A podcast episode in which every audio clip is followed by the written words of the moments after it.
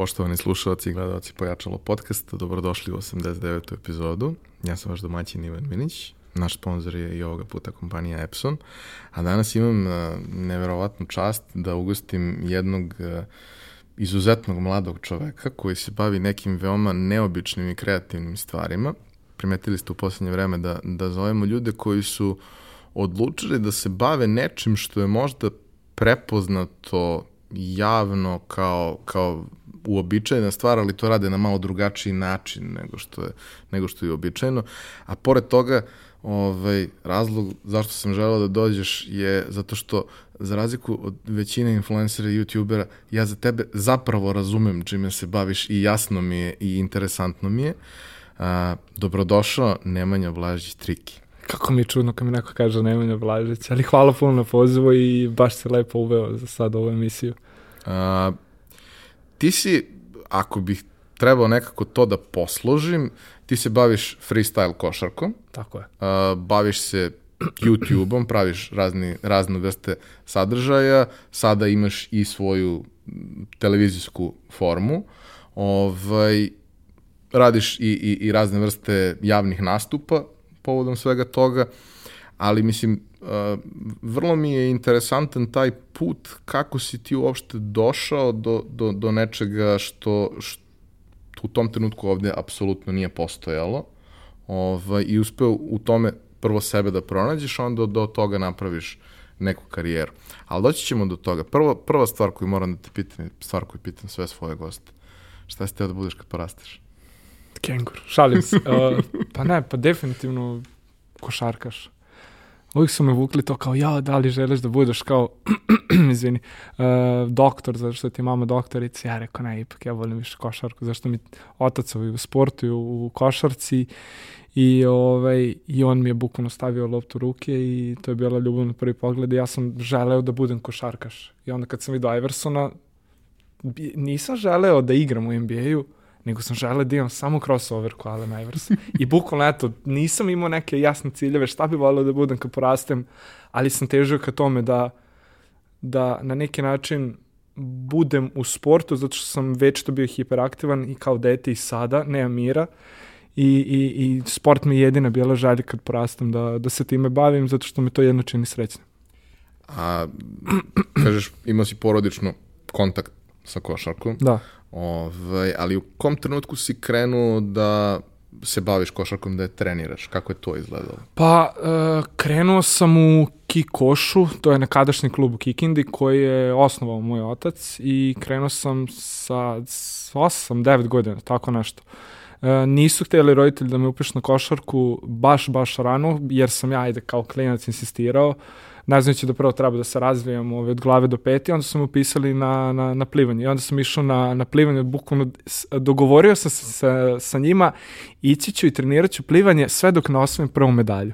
I tako je bilo. Ja sam osvojio treću, bio sam treći negde u Novom Sadu, na Spensu bilo neko takmičenje i, i, i osvojio sam treću medalju i to je bio kraj. I bukvalno već sutra dan sam se prebacio na košarku i onda sam do neke, ajde da kažem, 10. 11. 12. godine uh, baš bio uporan, ali mi je na neki način košarka postajala ne ne dosadna, nego dete kao dete hoće nešto kreativno. Uvijek hoće da proba nešto, ajde kažem, nenormalno, znaš. Dosadno mu je sad ti tu da radiš trostruku pretnju, da gradiš luptu, pa kada ideš na polaganje, da gradiš sa levom rukom na, na desno polaganje. Ja sam voleo malo, ja sam želeo atrakciju, a nismo tad toliko imali uh, uh, mogućnosti da pratimo NBA i onda sam čitao, ako se sećaš, časopis Košarka. I tu sam vidio Iverson na prvi put i onda mi je, uh, onda mi je otac rekao, rekao, e, ovaj igrač, taj nije normalan šta radi. Taj ima najbolju promenu ovaj, prednju na svetu i on je čak bacio Jordana dva puta na isti crossover. I to je pisalo. Tada imam i, da, i dan danas taj časopis baš sa tim člankom. Uh, I ja rekao, ko je sad ovaj? I naravno, mi tad nismo imali YouTube da ukucamo odmah, znači instant da ti vidiš kao luksuz ovog vremena što jeste, da možeš da gledaš sve ovaj, uh, uh, u određenom periodu uh, kada ti želiš. I ja sam čitao, istraživao donekle, tad smo imali dial-up internet, ali to je bilo ono, Jana, slika ti se ovako, čitao na Google. čitao sam tako neke članke, pratio sam i onda ne mogu se setim ko je prenosio u tom periodu kad je bilo dve, kad su igrali Lakers i Philadelphia finale. To je bilo 2003. Ili 92 ili BK koji dalje postoje. Uglavnom tamo sam prvi put vidio Iversona i to je baš bila ta utakmica protiv Lakersa kad je on izdominirao u Los Angelesu i to je bila jedina dobijena utakmica u finalu ove strane Filadelfije. I ja sam se oduševio. Kad sam video da je takav jedan sitan, mršav igrač koji opet ima svoj stav, ne drži se dres koda koji je između ostalog promenio dres kod NBA, da se ne nose kravate, košulje sa koji, nego dureg na glavi, tri dresa, pod 4XL i tako dalje. Ovi, to se meni sve svidelo, zašto sam video da je svoja ličnost i jednostavno sam težio ka tome. I onda sam ja prvi u svom gradu krenuo da nosim kačkete na opačke i to one pegle, njuerine, ne one pecaroške što bi se reklo, što saviješ ovako. I uvijek sam imao strah da će neko iz ćoška da, da mi dođe, da mi kaže, alo klina, šta se glupiraš, kreni ta kako treba. Imao sam strah da će me neko prebiti, jer sam voleo da nosim baš zbog toga, uh, baš zbog Iversona, uh, duže stvari, veće. Taj je bila, taj, taj početak 2000-ih je bila ono široka nošna i sve živo i tada je došao jedan van. I onda bukvalno samo sam se prešaltao sa Iversonovog crossovera, jer to mi je bila najveća želja da naučim, da ja mogu nekog da, da bacim, da ga ponizim, da, da, da, da on padne, da bude on on skates, ankle breaker, sve živo. I kad sam to naučio, mislim naučio, za, za taj određeni uzorast naučio, kasnije sam samo nepređivao, tada sam sa svojih 12-13 godina video prvi put N2 mixtape. I to da ne veraš na koju foru. Dražan Dalipagić je držao radnju u Bel, ne u Bel, kako zove ona zgrada sa onim crvenim stubovima? Um, UBC? Jest.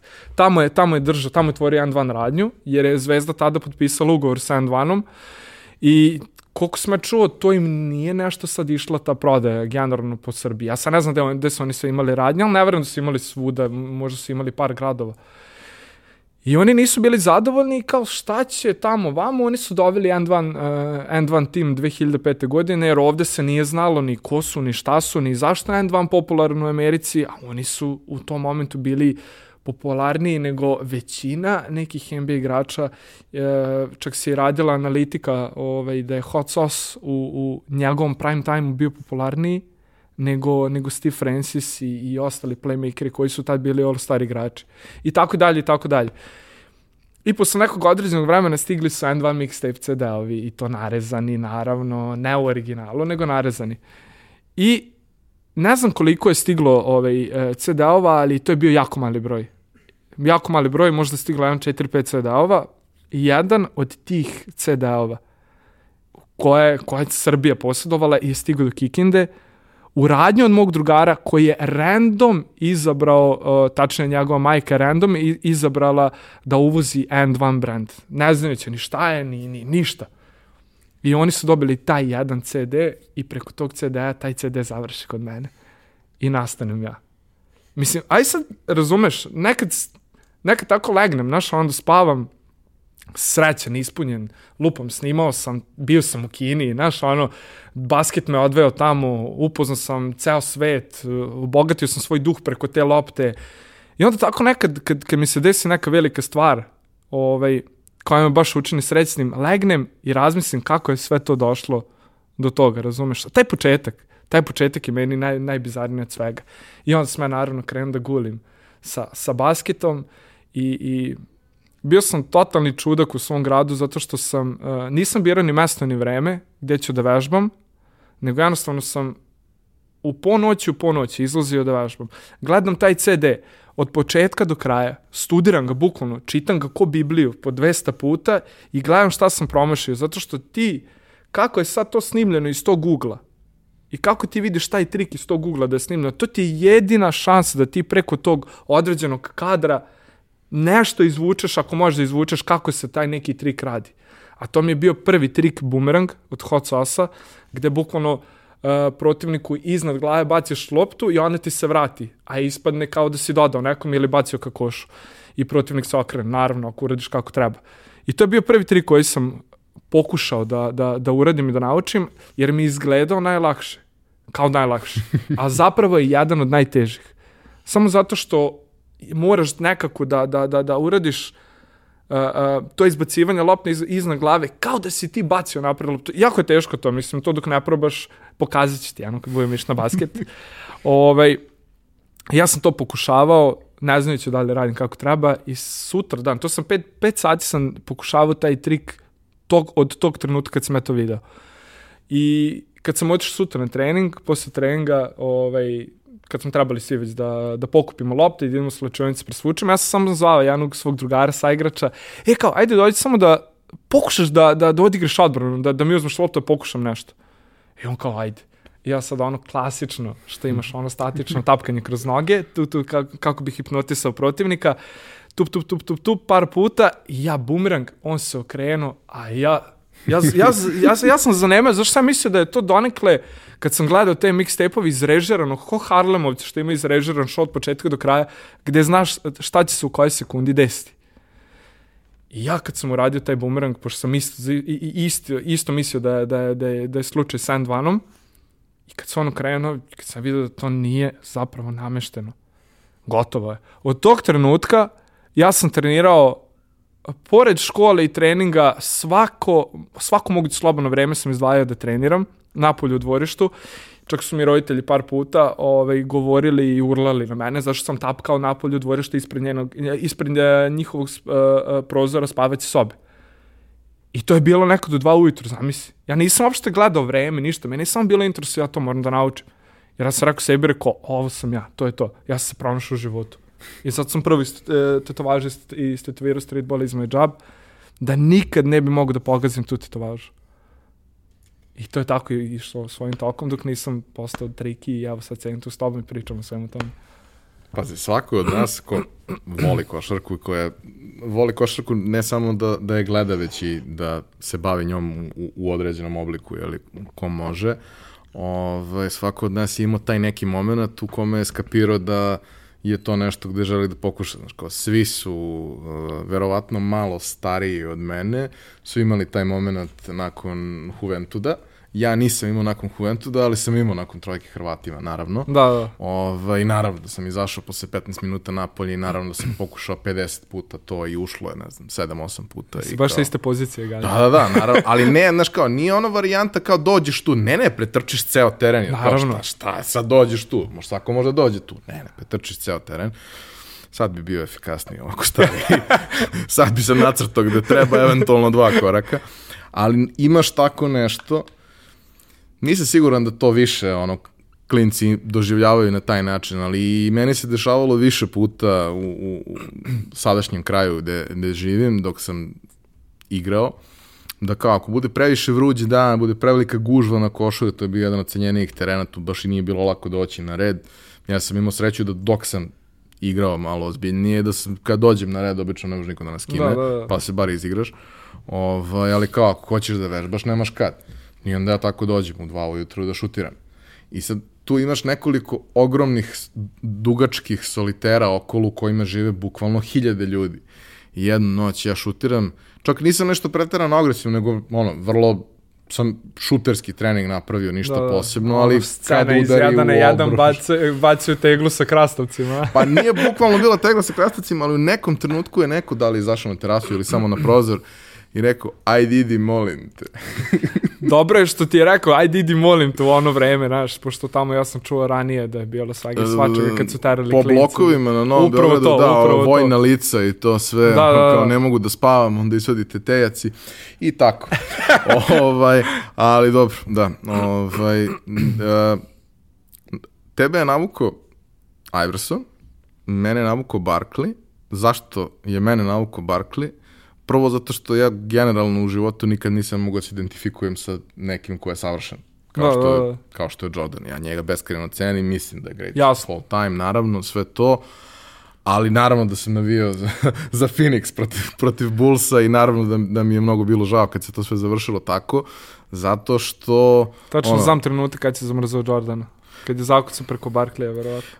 Mislim, to ti je moment u kome ti vidiš ono, e, čoveka sa kojim možeš da se identifikuješ, koji je nesavršen, ali svojim voljnim momentom, svojom pripremom, svojim radom, uh, uspeva da napravi sebi prednost, uspeva sebi da izradi poziciju koja, koja za njega ima smisla. I, e, ja nisam bio preterani fan Iversona, ali uh, uvek kada smo imali neke diskusije o tome, moj stav je bio on je najbolji košarkaš koji je igrao košarku po kilogramu ili po pa. centimetru.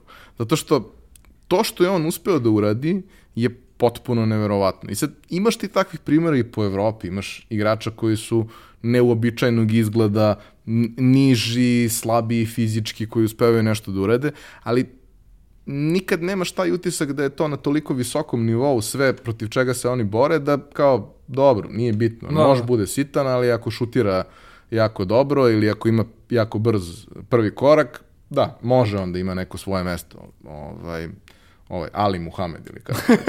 ovaj znači mo, Dobar, možeš ti da imaš neku neku svoju priču, Dobar ali igrač se našao. Sa sa tim što je on radio uh, u to vreme, u toj Filadelfiji, u onakvoj ligi, da ti postaneš ono pretendent na titulu ozbiljan, to je bilo potpuno neverovatno.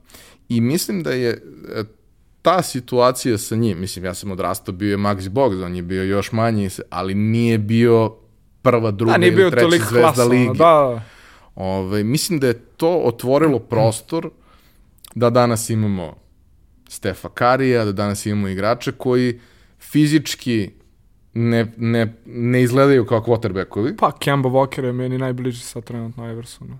Na neki način, zato što on ima te ankle breaker moment. Da, da, ali mislim, otvorilo je mogućnost da ti, iako možda nemaš to, ali imaš nešto, znaš ono kao kad na igrici Jasne. gledaš pa ima nešto, neku zvezdicu negde za, za nešto, nađeš svoje mesto.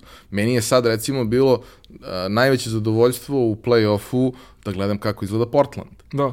Zato što, mislim, to što Lillard radi trenutno je to meni fascinantno. Da, da, to ja sam veliki navijač Golden State-a u, u ono vreme kada, Uf, kada je to sve bilo kako treba. A dobro, znaš zašto? Zato što je meni ta košarka prelepa. Oni jesu bili ono, super tim, da, divljaci, koji, sve to, da. ali meni je prelepo to kada ti ne moraš kroz fizičko nasilje da dođeš do koša. Jeste, jeste. Pa ne, ja da. zato i cenim Stefa Karija, baš zbog toga, zato što ima tu neverovatnu kontrolu i onda još kad na sve to stavi šlag na tortu i šutne, neki nerezonski šut, što mu je specijalnost i najjače oružje i kada, to je to. To je ko kad je kroz Clippersa ono prošao, ako znaš na koju situaciju da, da. pričam. I Sa nekako polom. iz 180 stepeni on se okrenuo i šutno i ušla lopta kao da je kao da je, kao da je slobno bacan šut. Znači, kad sam, kad sam gledao uh, Golden State Sacramento, Sacramento je dobio utakmicu, to je bio 2018. Bili su povređeni svi osim, osim Greena u toj utakmici. Znači, bukvalno, ljudi koji nisam znao da igraju u Golden State su igrali. Dobio je, dobio je Sacramento, recimo, devet razlike. Ali ja sam došao tri i po sata ranije, sam imao press pass, pa sam mogu da uđem. I ja sam gledao trening i zagrevanje. I na treningu su bili i Clay i, i Curry. To je strašno. Brate, da, da. mislim, nakon tog treninga si u fazonu, e, Idem ne treba da, da se bavim da. košarkom nikad, ni, ni rekreativno. Mislim, imao sam sličan zapravo utisak uh, uh, par meseci uh, nakon toga, ovaj, sam, sam imao priliku da gledam um, Portland Houston, Dobro. u Houstonu. Uh, tad je, to je bila uh, prošla sezona, kad, odnosno Da, prošla sezona. Je to ono kad kada je Houston da... bio, imao je prvo kao, bio je jedan, bio je najbolji skor u ligi, okay. a onda su krenuli sezonu sa 1-6. Jasno, jasno, jasno. I imali su Mela tad i to, ali uh, Harden nije igrao. I sad zagrevanje, to sve, svi oni su tu, Lillard i McCallum rade svoje. Klasika, znači dugo ne. Ali u tom trenutku, pa, pošto sam sa njim kasnije imao intervju, u tom trenutku na, na jednom košu su svi niži igrači, na drugom košu je Nurkić. I na drugom košu Nurkić kreće kreće redno, ono, od zicera i toga svega i samo se odaljava, odaljava, odaljava, odaljava, odaljava, odaljava. I u jednom trenutku Stigo do staje tebe, na trojku, kreće da daje trojke, ono, mislim, ok, naravno trening nikoga ne čuva, ali ti pošutira da, da. 70%, i onda kreće, pomera se još korak iza, još jedan korak iza, kao, To ti dokaz koliko je košarka napredovala. Nekada nije bilo trojke, sad centar štiruje trojke. I to je bilo impresivno. I sad on u igri to i dalje ne koristi toliko, ali recimo sa Vučevićem kad sam pričao, Vučević koji realno igra u klubu u kome nije prioritet rezultat. Ne veze, ali evo, opet su lepo dogurali. Jesu, ove godine da. Da, da. kad smo pričali, on mi je rekao kao, on ima, jevi ga, double-double prosek, sve to u redu, All realno je all-star igrač klasično, to, double double. ali kao, šta se, šta se promenilo, sad je on već zreo igrač, nije on više klinac. I on kaže, pa u razgovoru sa trenerom, kao imali smo neki period uh, priprema i to sve, i on mi je rekao, ajde ti da probaš da šutneš, pa nemoj da šutnem nikad nisam, da probaš ti da šutneš i kao, Ajde. probao sam i to je krenulo da ulazi i sad kao deo treninga posvećujemo tome i ono, kad postoji mogućnost za to u igri, kao potpuno je u redu da ja odapnem 5-6 šuteva za, Jasno, iza, jasno. iza linije za tri tokom utakmice kao dobar, dobar je prosek, sve je okej i kao potpuno se igra transformisala od nečega što, što, što je već bilo impresivno 90-ih. Ovaj, a mislim da da je to što, što je donelo tu uh, priču zapravo mogućnost tih nekih neobičnih karaktera da uđu u priču i ljudi koje ti na prvi pogled kada vidiš nikad ne bi rekao da su košarkaši, kao recimo Miloš Teodosić o kome smo pričali pre nego što smo počeli da snimamo. To ti je profesor u, u N2-u. Profesor je prvi belac koji je 2000, ja ne me sad držite za reč, četvrte ili pete godine, uh, ili treće, izvini, treće, uh, osvojio mesto u timu. Jer N2 je zapamćen po tome da je to jednostavno tim crnaca koji su van serijske atlete. I, I tu svako ima svoju ulogu. Dribleri imaju ulogu driblera, ne trebaju ništa drugo da rade na terenu, eventualno ako im se pruži prilike da idu na polaganje, ako ih ne isprati neko od ovih dankera da im baci alijup i da pokidaju obruč. Profesor je prvi belac u N1 mixtape timu koji je i meni i ostalim belcima otvorio oči i, i, i ulio neko poverenje i, i veru u to da ti možda možeš da završiš u istom timu zato što je on prvi belac. Razumeš? I jednostavno, posle toga, uh, posle tog turnira, pošto tamo imaš klasične one open run turnire gde regrutuju oni ovaj, uh, razni igrače koji će igrati protiv, protiv N2 mixtape uh, tima, gde bi birali eventualno na ove, kao zove posle utakmice, određene ljude koji se njima sviđaju i slali su ih onda busevima u naredne gradove, gde to ideš na knockout, ako ne odigraš jednostavno dobru, dobru utakmicu, svestan si da ideš kući, biramo drugog igrača. I posle tog turnira kad je profesor svoje sledeće godine, neverovatan broj belaca se prijavilo na te tryoutse da, da pokušaju da uđu u N2. Znači, samo zbog njega. I on je napravio neverovatan influence na belce da, da krenu uopšte sa basketom i da krenu sa tim trikovima, ne samo u Americi, gde je bio jedan jedini N2 mixtape turnir, nego i kasnije po Evropi, gde su razne države pravile svoje timove Ne da ih oni sad nazovu N1 mixtape team Srbije ili Francuske ili ovo ili ono, nego su ih zvali nekako po svojim imenima, razumeš, lokalna neka imena, nemam pojma svog jezika. Naprimjer, kanadjani su imali uh, Notik, no, za Notik redko ko zna, a oni su, uh, oni su isto jedan veoma interesantan tim koji su napravili dva svoja mixtape-a i koji su veoma popularni u Kanadi pa i šire, pa i po Americi. Oni su čak igrali protiv N1, uh, N1 igrača, ali jednostavno nisu imali oni toliko sad jakih igrača kao što su ovi bili, zato što su jednostavno u N2 Imali mixtape su bili... Klub. Pa, ne, ali bili su na neki način ko neki državni projekat, razumeš, mislim, ono, zato što oni su popunjavali oni su popunjavali uh, košarku na televiziji Leti, zato što, su, zato što je tad bio slobodan period između sezona u NBA-u i onda, ajde, N2 mixtape će da popunjava ta tri meseca ovaj, turneje po celoj Americi, tako što će se praviti epizode na ESPN dvojci. I to je, to je buknulo. I to je buknulo. I to jednostavno nije moglo da stane.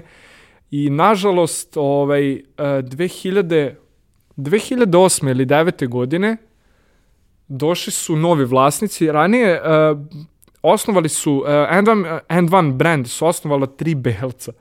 Zamisli, nikad ne bi rekao, s obzirom koliko je daleko otišao N1 i koliko ima tu, ajde kažem, crnačku priču, razumeš? Uh, hip-hop, rap, basket, uh, sve živo što, što, što jednostavno podudara ta, te pravce. To su sve napravile, napravila tri belca koji su kao da su bili neki programeri nešto, razumeš? Uopšte nisu delovali kao da su likovi sporta. Još su pritom nosili ono sve tri XL uh, žutaće, oni klasični Ameri naš sa, sa, sa pegama na glavi i debeli čak neki.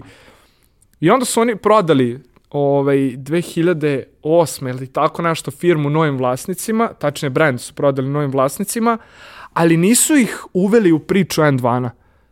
U čega se ulaže, zašto se ulaže, da se ne ulaže toliko u NBA, da se potpisuju ugovori sa novim, novim igračima, zato što nisu oni naši glavni influenceri koji prodaju brand, nego su basketaši, koliko je to bilo bizarno svakom velikom imičnom čovjeku koji uzima tako veliku firmu svoje ruke i kupuje za brdo miliona.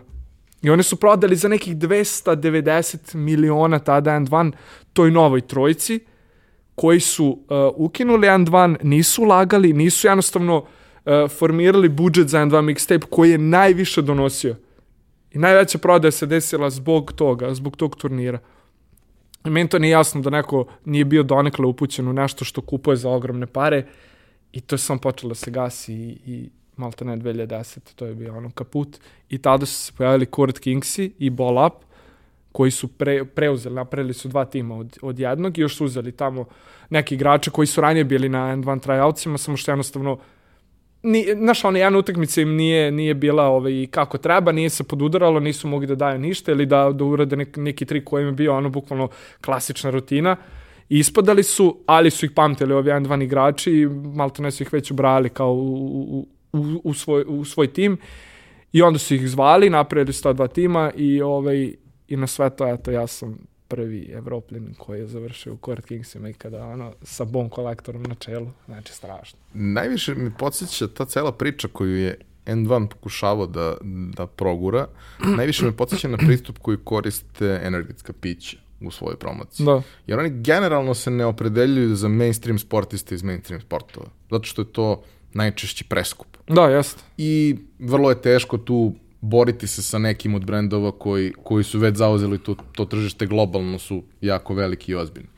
Ali kao taj neki stil koji ti pokušavaš da, da, da proguraš kroz svoj brend, imaš mnogo boljih reprezenata toga koji te neće koštati ni izbliza toliko. I onda mi je to negde bila, bila emocija. Ja sam sad kad sam bio u, u Americi kupio N1 patike. Na Ozbiljno. Amazonu. E, ja sam da. sad postao veliki kolekcionar N1 uh, mixtape dresova. Jer to je sad jako teško naći, a ja ih imam sigurno preko desetak i to jako, jako redkih modela. Iz, na primer, najtraženijih godina, 2003. 4. 5. 6. Pogotovo 3. i 4. Ja imam dva hot sauce dresa koje sam tražio 10 godina. Ja, pre neki dan mi je stigo taj drugi. Kaži mi, uh, taj koncept nije bio nepoznat. Da. Uh, I generalno, ta underground scena u košarci u Americi je prilično cenjena i imaju sve te priče o, Rakar Park pogotovo. tako, je, o terenima gde su veliki igrači Upravo igrali to. godinama, gde imaš gomilu ljudi koji su izgradili karijere na tim terenima, ali nikad nisu u mainstream košarci napravili nikakav rezultat, nisu imali ili ni priliku ili kada su je dobili su O, dobro, znaš kako se kaže, i za profesionalnog košarkaša, nijedan profesionalni košarkaš nije pro, postao profesionalni koša- košarkaš dok nije otišao na basket bez sudija i dok se nije potukao ovaj, sa pravim basketašima, jer tako se postaje profesionalac. Pa tako kaže i većina naših Upravo to, igrača upravo da to. to. Da je to bilo u njihovom razvoju, da je najvažnije bilo to kad Jeste. dođeš i, i neko te I prebije. tučeš se, tako je. Ovaj, ali e, imao je pandan tome, odnosno preteča svega toga, kroz Harlem Globetrotters, tako je. koji su postoje, mislim, postoje i danas, a, ali koji su imali potpuno drugačiji pristup i neki utisak je da, a, iako su 50-ih, 60-ih, 70-ih, oni zaista bili globalno velike zvezde. Da, nenormalno, nenormalno. A, I apsolutno ono, gomila igrača je i bila deo Globetrottersa u pauzama NBA-a ili pre NBA I karijere to je ta razlika posle. N2 i, i Globetrotters. A, meni se čini, meni je glavni utisak to da, da je upravo problem u tome što je sve nedovoljno autentično. I e, 60. godina to nije bio problem, zato što ti Da. nisi imao gde to da vidiš. Upravo znači, to. ti dođeš, vidiš nešto i to što vidiš tih sat i po, dva, koliko sve to traje, tebi je to impresivno. Te vremenom Ali ti sad to. dođeš i ti si video sve, Tako je. a vidiš isto ono Tako što... je, bukvalno, to ti kažem, oni imaju izrežiran show. I oni, ja sad ne znam da li oni imaju dva, tri e, programa koji oni konstantno vrte i sad smenjuju sa, sa dovođenjem i odvođenjem novih igrača, pa možda ubace nešto novo što određeni igrač može da uradi, ali je sve, sve sto bazirano isto. I znaš u jednom momentu da će neko šutnuti sa pola korug. Znaš da će se neko popiti na kožu. Znaš da će te neko istripovati od igrača uh, sa onom kofom, kao navodno punom vode, nego konfetama da je kao baca na publiku. Sve se to zna i sve se to očekuje. A ovo je stvar koja se ne očekivala i zato je dobila toliko na značaju. Razumeš? I zato su svi ljudi to voleli, zato što su želi da vide uh, uživo kako izgleda kad ti nekog okreneš. Ja imam slučaj, pa bukvalno svaki put kad igram basket ili, ili, ili kad, kad sam sa nekim na snimanju, svi mi govore, svi mi govore kao, ajde Triki, baš da vidim. Znači, gledam te tvoje klipove, ali nema šanse da ćeš meni da prodaš jednu foru, a kamoli kroz nogi. Uvijek ću te zatvoriti. I ja onda sam imao, imao sam jednu opkladu sa jednim dečkom, gde sam se kladio da svaku protvorenu loptu kroz nogi ti meni daš 10 evra. Ja sam protirio 12 puta kroz noge. U toku basketa do 11. I on je zanemeo. Zato što, ajde, e, e, razvijajući se kroz, kroz tu N2 priču i tu, te vrste basketa, ti moraš da imaš to neko treće oko, gde znaš kroz određenu tvoju kretnju kako će odbrambeni igrač da pozicionira noge, gde ti možeš da mu uradiš nešto, ili sa promenama kroz noge i onda da mu protoriš loptu, ili sa prednjom, ili sa zadnjom, ili da ga okreneš, ili da mu uradiš neki određeni trik gde, gde će njega da zabuni, ili sa hipnotajzerom, hipnotajzer je inače stvar gde navlačiš ljude, ajde kao da ti vidim kakav si odbrmeni igrač, navučeš ga kao naš, sad će on da ti pokaže. I onda se on zalepi flaster uz tebe, ti t, t, t, t, tapkaš kroz noge, navučeš ga, baciš loptu iza leđa u momentu kada tapkaš kroz noge i to je jako, jako bitna poenta da imaš takav osjećaj da možeš jako nisko da driblaš loptu jako brzo. Znači, jednostavno da imaš neverovatan osjećaj. Kao da je, kao da je lopta deo tebe, znaš, kao da je treća ruka ili ne znam šta. I u tom momentu ti njega toliko hipnotišaš, zato što je on jako blizu tebe, da je baciš iza leđa i odjednom tapkaš loptu u prazno, nema lopta, razumeš? Tapkaš neku nevidljivu loptu, aj gleda sad, pa gde je sa lopta, znaš? Ti telo. I svaki put uopšte... pomisle da je ovde u majici, ove, kako se zove, iza leđa, da se me stavio nekako ovaj, u majicu, ispod majice, Međutim, on nemoj pojem sad prebacio loptu preko njih. Tačno, znači, uz kičmu je išla ta lopta iza glave da se u tom momentu ne vidi kad on gleda ka meni. I to isto treba vežba i procena i onda naravno iznerviraš tu neku određenu osobu. I to je, i, i to je samo, uh, većina ljudi s kojom igram samo želi da, da ja njima razbijem taj mit, razumeš, da oni vide da li je to stvarno tako ili ja kao nameštam i dogovaram se kao s tobom sad, ej Ivan, ajde, širi noge, ti protiramo loptu, razumiješ, i te stvari. I zato je, i, i to je ta razlika Harlema i N2 i, i zašto su ljudi zgotivili više N2 kad se pojavio i zamrzali Harlem, baš zato što je postao dosadan i, i na neki način neoriginalan show više. No, predvidljiv. Upravo Vrlo to. Predvidljiv. Mislim, Znao oni si. su dolazili... Ali opet tao prodaju, oni pravi turneju. To, to ali, je meni fascinantno. Ali je poluprazno. Ja sam baš gledao, skoro je bilo, bili su oni kod nas pre... U Pionircu bili nadavno, da, da. da.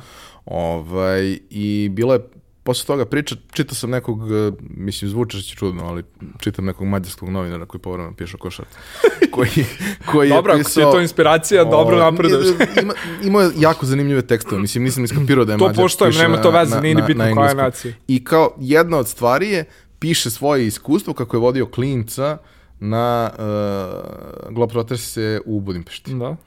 I kaže, malo mi je bilo dosadno A to je jako meni bizarno. je bilo dosadno. Da. Meni je jako brzo bilo dosadno. Kao, bilo je to, oni su skapirali šta je njihov doseg, pa idu u male dvorane relativno. Da, to sve, da, da. Kao, sve je to okej, okay, ali čini mi se kao da ta priča više nema. Da, izumire na neki način, da, da. I ono, baš je, cijelo to iskustvo kako opisuje, je baš, jer ti sada dobar deo tih atraktivnih stvari možeš da vidiš i na ozbiljnim terenima. Ti sada je. možeš da vidiš i ok, i, i, i, i Big 3, možeš da gledaš s vremena na vreme, ali možeš da vidiš ponekad i neke snimke iz Drew League ili tako, tako dalje. Je, tako I ti stvarno izbor kvalitetne košarke koji možeš da vidiš je impresivan. Yes. Na stranu što sada ono kao koliko goto nama, jer smo mi razmaženi činjenicom da je naša zemlja košarkaška, prate gledaš ono, Ligu Filipina i to nije isti sport. Da, da. Ali je i to što oni rade jako zanimljivo. Sad oni ne mogu u kompetitivnoj košarci da naprave bilo kakav rezultat iz pre svega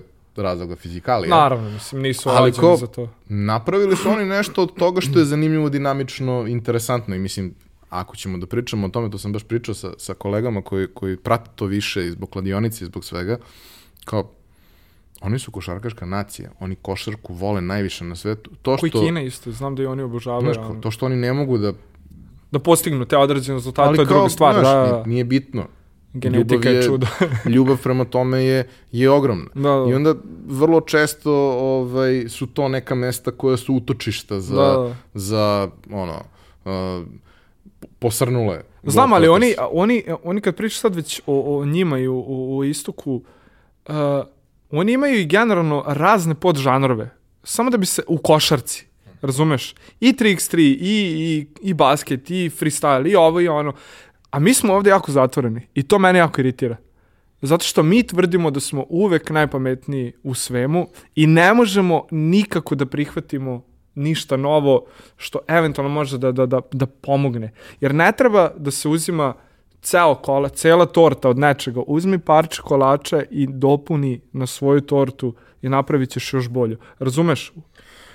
I to Ima je problem kod nas. problem, evo, ti, evo ti problem sa trenerima. Zašto klinci više ne treniraju i nemaju želje da treniraju toliko određene sportove? Ne samo košarku. Prvenstveno košarku zato što sam u tome pa znam. Zato što treneri ne menjaju svoje taktike već godinama. I ponašaju se isto tako kao i ti Harlemovci koji imaju iz, izrežiran program i način treniranja određenog, određenog uzrasta i to se ne menja godinama. I to, to je meni nesvatljivo. Pogledaj samo NBA deve, početkom 2000-ih ili ajde idemo na 90 kad su bili Detroit Pistons i Bad Boys i ostali sa Dumarsom i, i Isaiah Thomas kad je bio i to, to su sve drugačiji igrači u odnosu na današnjicu.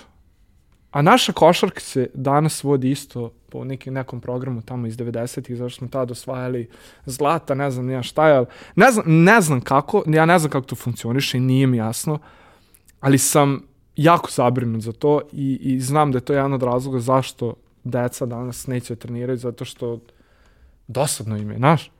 Dosadno im je. Treneri ih uče neke stvari u određenom uzrastu koje ne trebaju. Dete, kad je dete, ne trebaš ti, to jest ne smeš ti dete da učiš akcije, e, razne neke taktike koje se uče prvotimci, e, razumeš? I, i gde oni trebaju da nenormalno pamte nešto i da mozgaju, da kao, kao neki, kao, kao sistemski ne, nešto da, da, da jednostavno moraju da nauče, ako ne nauče ti, ti si katastrofa, ti neš biti ni za šta, razumeš?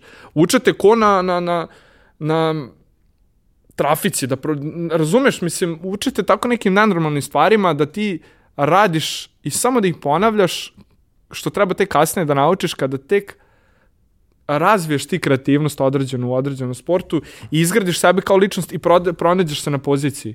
Oni ne rade na tome. Nisu uopšte kreativni sa decom i to je ono što mene jako boli. Dete prvo treba da, da, da razvije tu kreativnost, da shvati tu igru na, na, na neki svoj način. Jer tako, šta misliš da bi Teodosi postao to što jeste, da su mu zabranili da radi to što radi? Ili Jokić? Razumeš? Ajde, naravno, možda su mu u nekim momentima branili nešto, ali ka, ja kad sam gledao snimke Nikole Jokića uh, uh, kad je bio klinac, kad je igrao u Somboru, on je maltane isto trčao, isto je bacao te frljoke od paseva, razumeš? Meni bi sigurno trener, kad sam, ka, ka, kad sam bio taj uzrast, da sam zaukao tako loptu preko celog terena, opalio po ruci i rekao bi mi ako to još jednom uradiš, ostaćeš bez ruke. Šta radiš? Uzmi loptu, zagradi, prenesi sa pola, dodaj loptu desno, idi u blok levo. To je klasika koju sam ja učio, to sam ja zamrzeo jako kod, kod košarke, zato što smo učili tako neke stvari, da mi bežimo, da radimo neke akcije, da ovo, da ono, niko nije smeo da uradim. Ja, ja sam bio, svaki drugi trening me trener izbacio zato što sam imao višak driblinga.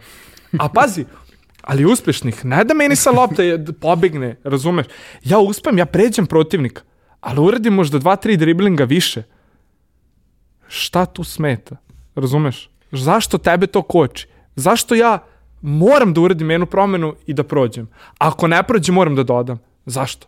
Je košarka, bukvalno, mislim, da robotska neka igra, gde ti je sve zacrtano u glavi, ako ne uradiš kako treba, brzo se reši lopta, jer, znaš, ono, gotov si, letiš napad na klupi. I to sam dešavalo. I ja sam zato batalje u košarku i krenem da treniram sam.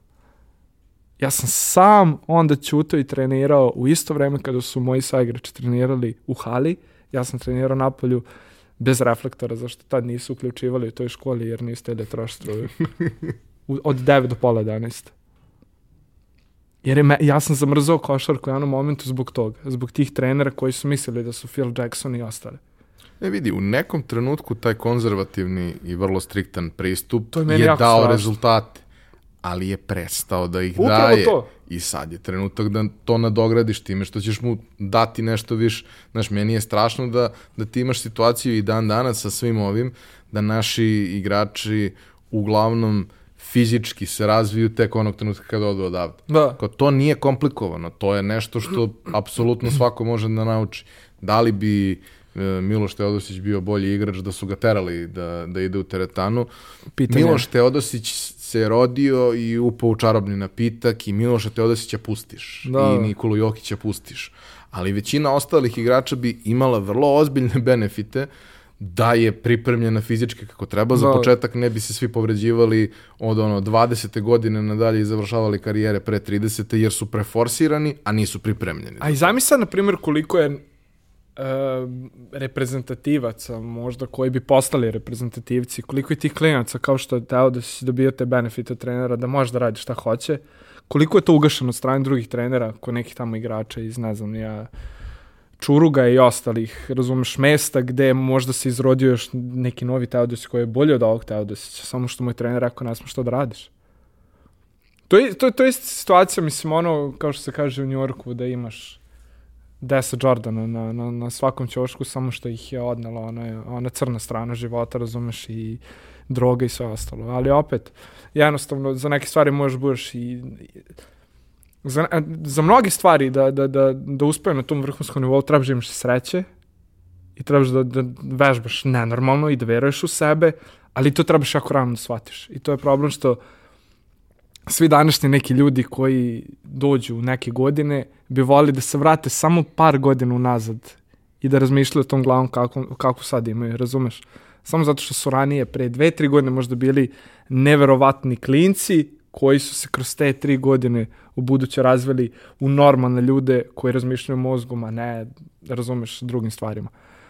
I to je isto, to, to su isto velike, velike ovaj, razlike profesionalca i, i, i, i klinca koji u isto vreme dok trenira ima veliki potencijal, ali izlazi u grad, e, ne spava pre, e, to jest ne legne spava pre 4-5 i tako dalje i tako dalje. I ko zna koliko je takih talenta propalo i, i, i i ko zna koliko je talent propalo tako što su se možda zainatili nekim ljudima kao što su treneri ili roditelji koji su ih terali da ostvaraju svoje promašene snove, koje nisu i ostvarili da leče komplekse drugih ljudi, da ih teraju od treće, četvrte, pete godine, da treniraju određeni sport i da ih uvode u taj profesionalizam i onda to dete kada dođe do puberteta zamrzi taj sport i onda ovom se još više raspadnu snovi roditeljima ili ne znam ja kome i jednostavno poruka svim roditeljima trebaju da puste svoje dete da traži svoj put i da se on gradi kako on misli da treba. A da ga oni samo usmeravaju oko nekih stvari, da li je ovo dobro ili loše, zato što su oni jednostavno iskusni, zato što su roditelji. Ja imam tu sreću da su mene roditelji pustili da, da uopšte stupim u nešto što nije poznato ovde. A to je ovaj basket. A kako je to izgledalo? Jako jezivo. e, za divno čudo, majka me prva podržala.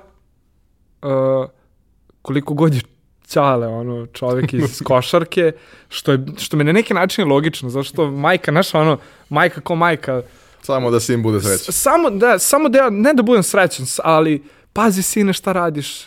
Uh, studiraj, završi školu, obrazovanje na prvom mjestu, što i stoji naravno, da svako treba da završi nešto, da kaže da je akademski građan i tako dalje i tako dalje, kako bi osigurao neku, neku vrstu posla. Ne želim sad u toj temi, ali u svakom slučaju majka me prvo podržala, ne znajući šta je to.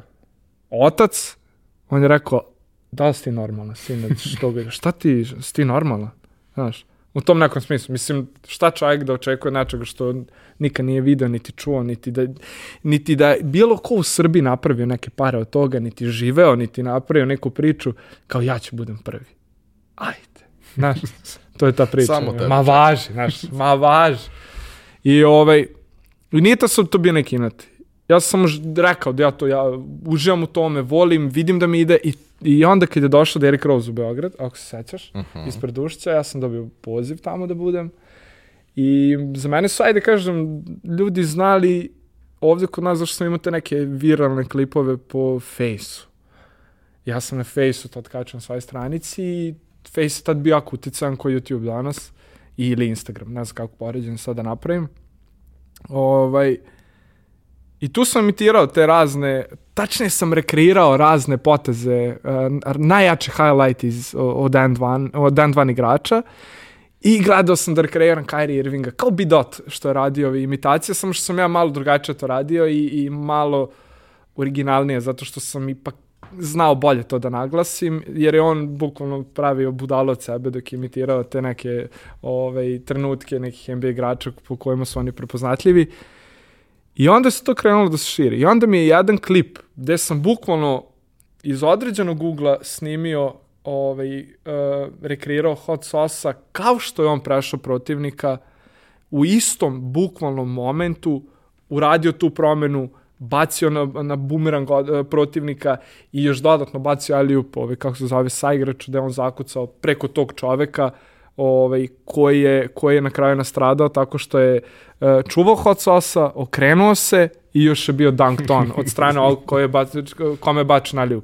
Ja sam to isto uradio sa, sa, trojicom svoje, sa dvojicom drugara i to je jednostavno buknulo na fejsu i skupilo je, ne znam, oko 5-6 miliona pregleda, zašto ono to je share, share, share, share, share i došlo je i do 9gaga i do uh, Brustar hip hopa i tako dalje i tako dalje, tih najjačih platformi, ovaj, I, to, I onda su oni krenuli meni da kontaktiraju, krenuli da me prate više, svaki klip maltene koji sam snimao su oni šerovali i ovaj, I onda, I onda je došao ovaj taj moment sa Derek Roseom, jer tako su me oni skontali.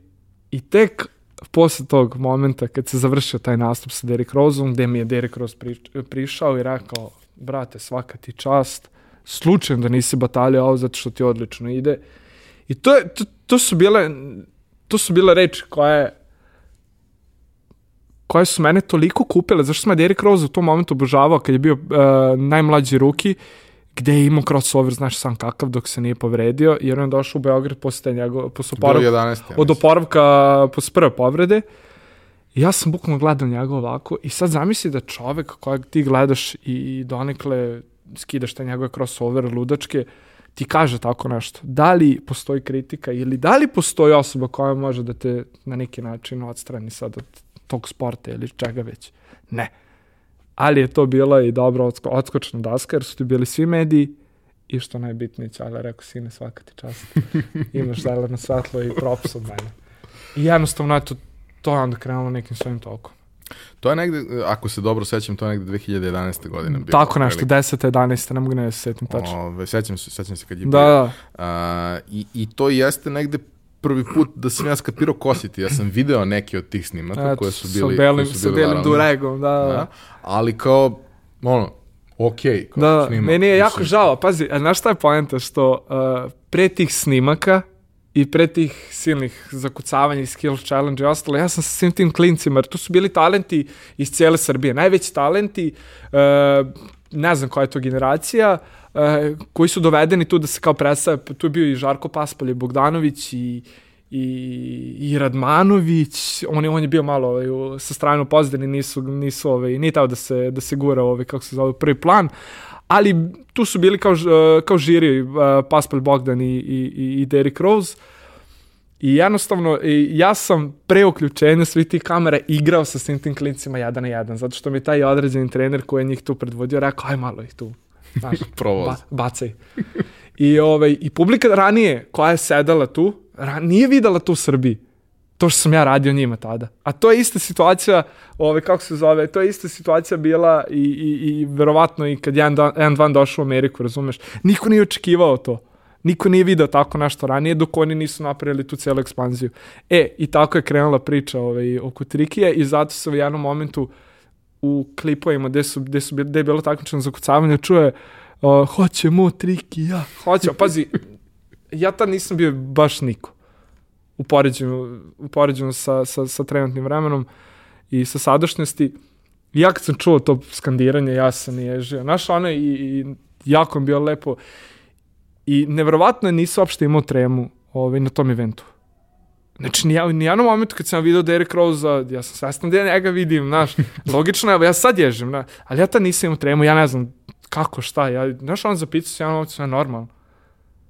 Ali zato kad sam došao kući, ja nisam mogu da jedem, jer se meni ruka tresla, nisam mogu da jedem, tad sam nešto, ja, neko ne, ne, nešto kuvano, nisam mogu da držim kašiku, znaš.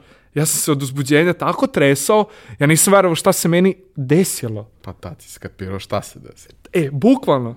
I onda, kad sad krenem da, da vraćam film, to je bilo neverovatno i, i to mi je bila na neki način lična karta, odskočna daska za, u, kod medija, ajde da kažem, da, oni, da su oni poznani sa mnom i tad me većina zvala za intervjue, da, da ispričam ko sam, šta sam i tako dalje i malo to ne su me svi zvali u roku nedelju dana.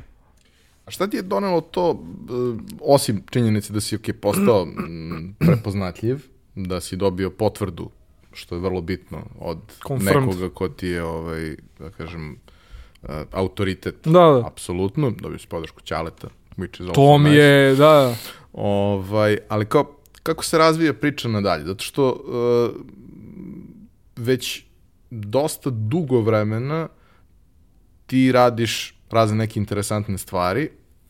U nekom trenutku si skapirao kao da osim snimanja samih poteza i svega toga treba da se napravi neka priča oko toga, napravio si ono YouTube kanal gde ima svašta nešto interesantno da se vidi. s YouTube-om je cirkus, znači, a izvin, završio Ne, ovaj. samo bih hteo da ono kao uvedemo se u, Da, u da. taj deo priče. Sad si dobio potvrdu i u fazonu si ok, sad ovo ima smisla. Da, da. Nije samo ja volim i to sve nego kao možda od ovoga može da bude Pa, nešto. to je taj trenutak sreće što sam pričao, da svako, svako ko uspe u nečem, u nekom svom hobiju, uh, da, da napravi neku priču i da na neki način živi od toga kasnije, potreban je taj trenutak sreće. I mene stvarno pratila karma, ta pozitivna, i ovaj, vraćala mi je te krvave dane na košarkaškim terenima gde su me u Kikindi gledali ko ludaka sa loptom, koji tapka loptu dva ujutru i kasnije u Novom Sadu i tako dalje i tako dalje, jer nisam bio ni mesto ni vreme nikad, niti, ni, ni nigde. Ja sam na neki način sve te društvene mreže gledao samo kao platforme gde ja mogu da postavim neke svoje stvari i da ostanem, da budem u toku. Ja sam uvijek imao želju da, da, da budem deo tog 1-2 mixtape turnira. Da se ja nađem na tom mixtape, Vol 35, ako treba. Zato što ima 10 tih volijuma. I meni je, ja svaki put kad sam gledao te, te mixtape-ove, ja sam uvek zamišljao sebe u tim mixtape-om. Čak sam i sanjao jednom da sam u, u mixtape-u i da igram utakmicu sa N2 igračem da sam se probudio i razočarao. Ali sam imao i ovi, kako se zove, imao sam i one momente, znaš, kad sam sam na, na, na, na treningu, bukvalno u tom mrklom mraku na terenu, ovaj, u toj školi, i gde, gde imam u glavi sad, ispred mene je hot sauce, kojeg upravo bacam na burek i provlačim loptu kroz noge, vidim publiku koja onako ustaje na noge, razumeš? Ja bacam loptu publiku i svi misle da sam car. I ja sam uradio nešto što niko nikad nije uradio. Zašto hot sauce nikad nije bio ono, ponizan. Imao sam, znaš, one te tripove, ko što ti išao da gađaš trojku posle Đorđevićeve trojke i tako dalje i tako dalje. A te platforme, ja YouTube, na primjer, nikad nisam shvatio ozbiljno, do momenta kada nije doživao ekspanziju kod nas. Ja čak sam imao, znaš kako to bilo? Prvo Face, imao sam MySpace u stvari, tu sam stupio prvi put u kontakt sa Hot Sauceom, tako što sam završio u Dime magazinu u Americi i to je bio prvi intervju, pazi, prvi intervju pre naših intervjua, ja sam završio prvu Dime magazinu, koji je bio jedan od najjačih sportskih magazina u Americi. Na osnovu čega si završio tamo? Na osnovu, Videli su neki snimak. Tako je, videli su snimak i uh, uporedili su me sa hot sauceom, zato što sam donekle imao isti način izvođenja svih tih trikova kao on. Isti stav, isto ovo, isto ono. I hot sauce je preko nekih snimaka došao do mene i preko tog daj magazina, zato što je naslov, ja imam taj naslov i dan danas to ću ti pokazati ovaj, kad završimo, uh, naslov išao uh, Triki Serbian Hot Sauce. I tako su mnogi došli do mene i tako je Hot Sauce došao do mene zato što Serbian Hot Sauce, ko je sad ovaj? Razumeš? Garat nije ni pročito Serbian, nego Siberian. Zato što većina misli da smo Sibir. Ali nebitno. Ja sam tako stupio u kontakt sa, sa, sa mojim, aj neću kažem idolom, Iverson je bio idol, ovim, mi je bio kasnije, razumeš, uzor. I ugledao sam se maksimalno na Hot Sauce-a. To je bukvalno Iverson, Iverson u, u basketaškom svetu. I onda smo stupili u kontakt gde on meni govorio šta ja da radim, kako da treniram. Stani ispred ogledala. Ja sam vidio u mixtape-ovima da on stoji ispred ogledala u teretani i da tapka loptu. Ja sam mislio, ko znaš, da otko znam, nije mi to delovalo tako, tako ozbiljno, da on iz nekog baš ozbiljnog razloga sad stoji ispred ogledala i tapka loptu i radi sve te trikove. Ja sam mislio da on samo gleda sebe onako, možda je, možda je narcisidan ili šta već. Ne, On je meni rekao, stani ispred ogledala i pazi na svoj stav dok tapkaš loptu kroz noge, što je klasičan stati, ovaj, statični stav kada tapkaš loptu kroz noge ovaj, u basketu. Gledaj da ti ne stoje noge ovako dok, tapkaš, nego ovako. Zato što ćeš imati bolju eksplozivnost kad to je na određenoj strani, u zavisnosti koja je ti noga ispred, koja je iza. I onako rekao, jebot. Znaš ono, zanemeo. I onda mi je govorio još tako neke stvari koje da vežbam. Uzmi rukavice, tapkaj loptu s rukavicama, vežbaj sve te trikove, radi što brže možeš s rukavicama, zato što ti s rukavicama nemaš osjećaj, naravno sa što debljim. U, u, u, u, ovaj, u, u ovom slučaju ja sam koristio zimske rukavice, jer to su baš debele rukavice, nisi imao osjećaja, bežala mi je lopta nenormalno. Kasnije, kad skineš rukavice, to je nevjerovatno, tebi se lopta lepi, lepi za ruke. I tako neke stvari. I to mi je bilo, ajde, to mi je bio, bio prvi neki kontakt sa, sa, sa ovaj, MySpace-om i generalno internetom i tim nekim društvenim mrežama i šta već. Kasnije sam prešao na Face. Opet, ja sam tu tražio kako ja sad sebe da prezentujem na Face-u. Ja sam napravio stranicu i onda sam krenuo da radim te rekreacije tih svih poteza ovaj, i igrača. To je buknulo. Šta dalje? Uporedo se pojavio Instagram.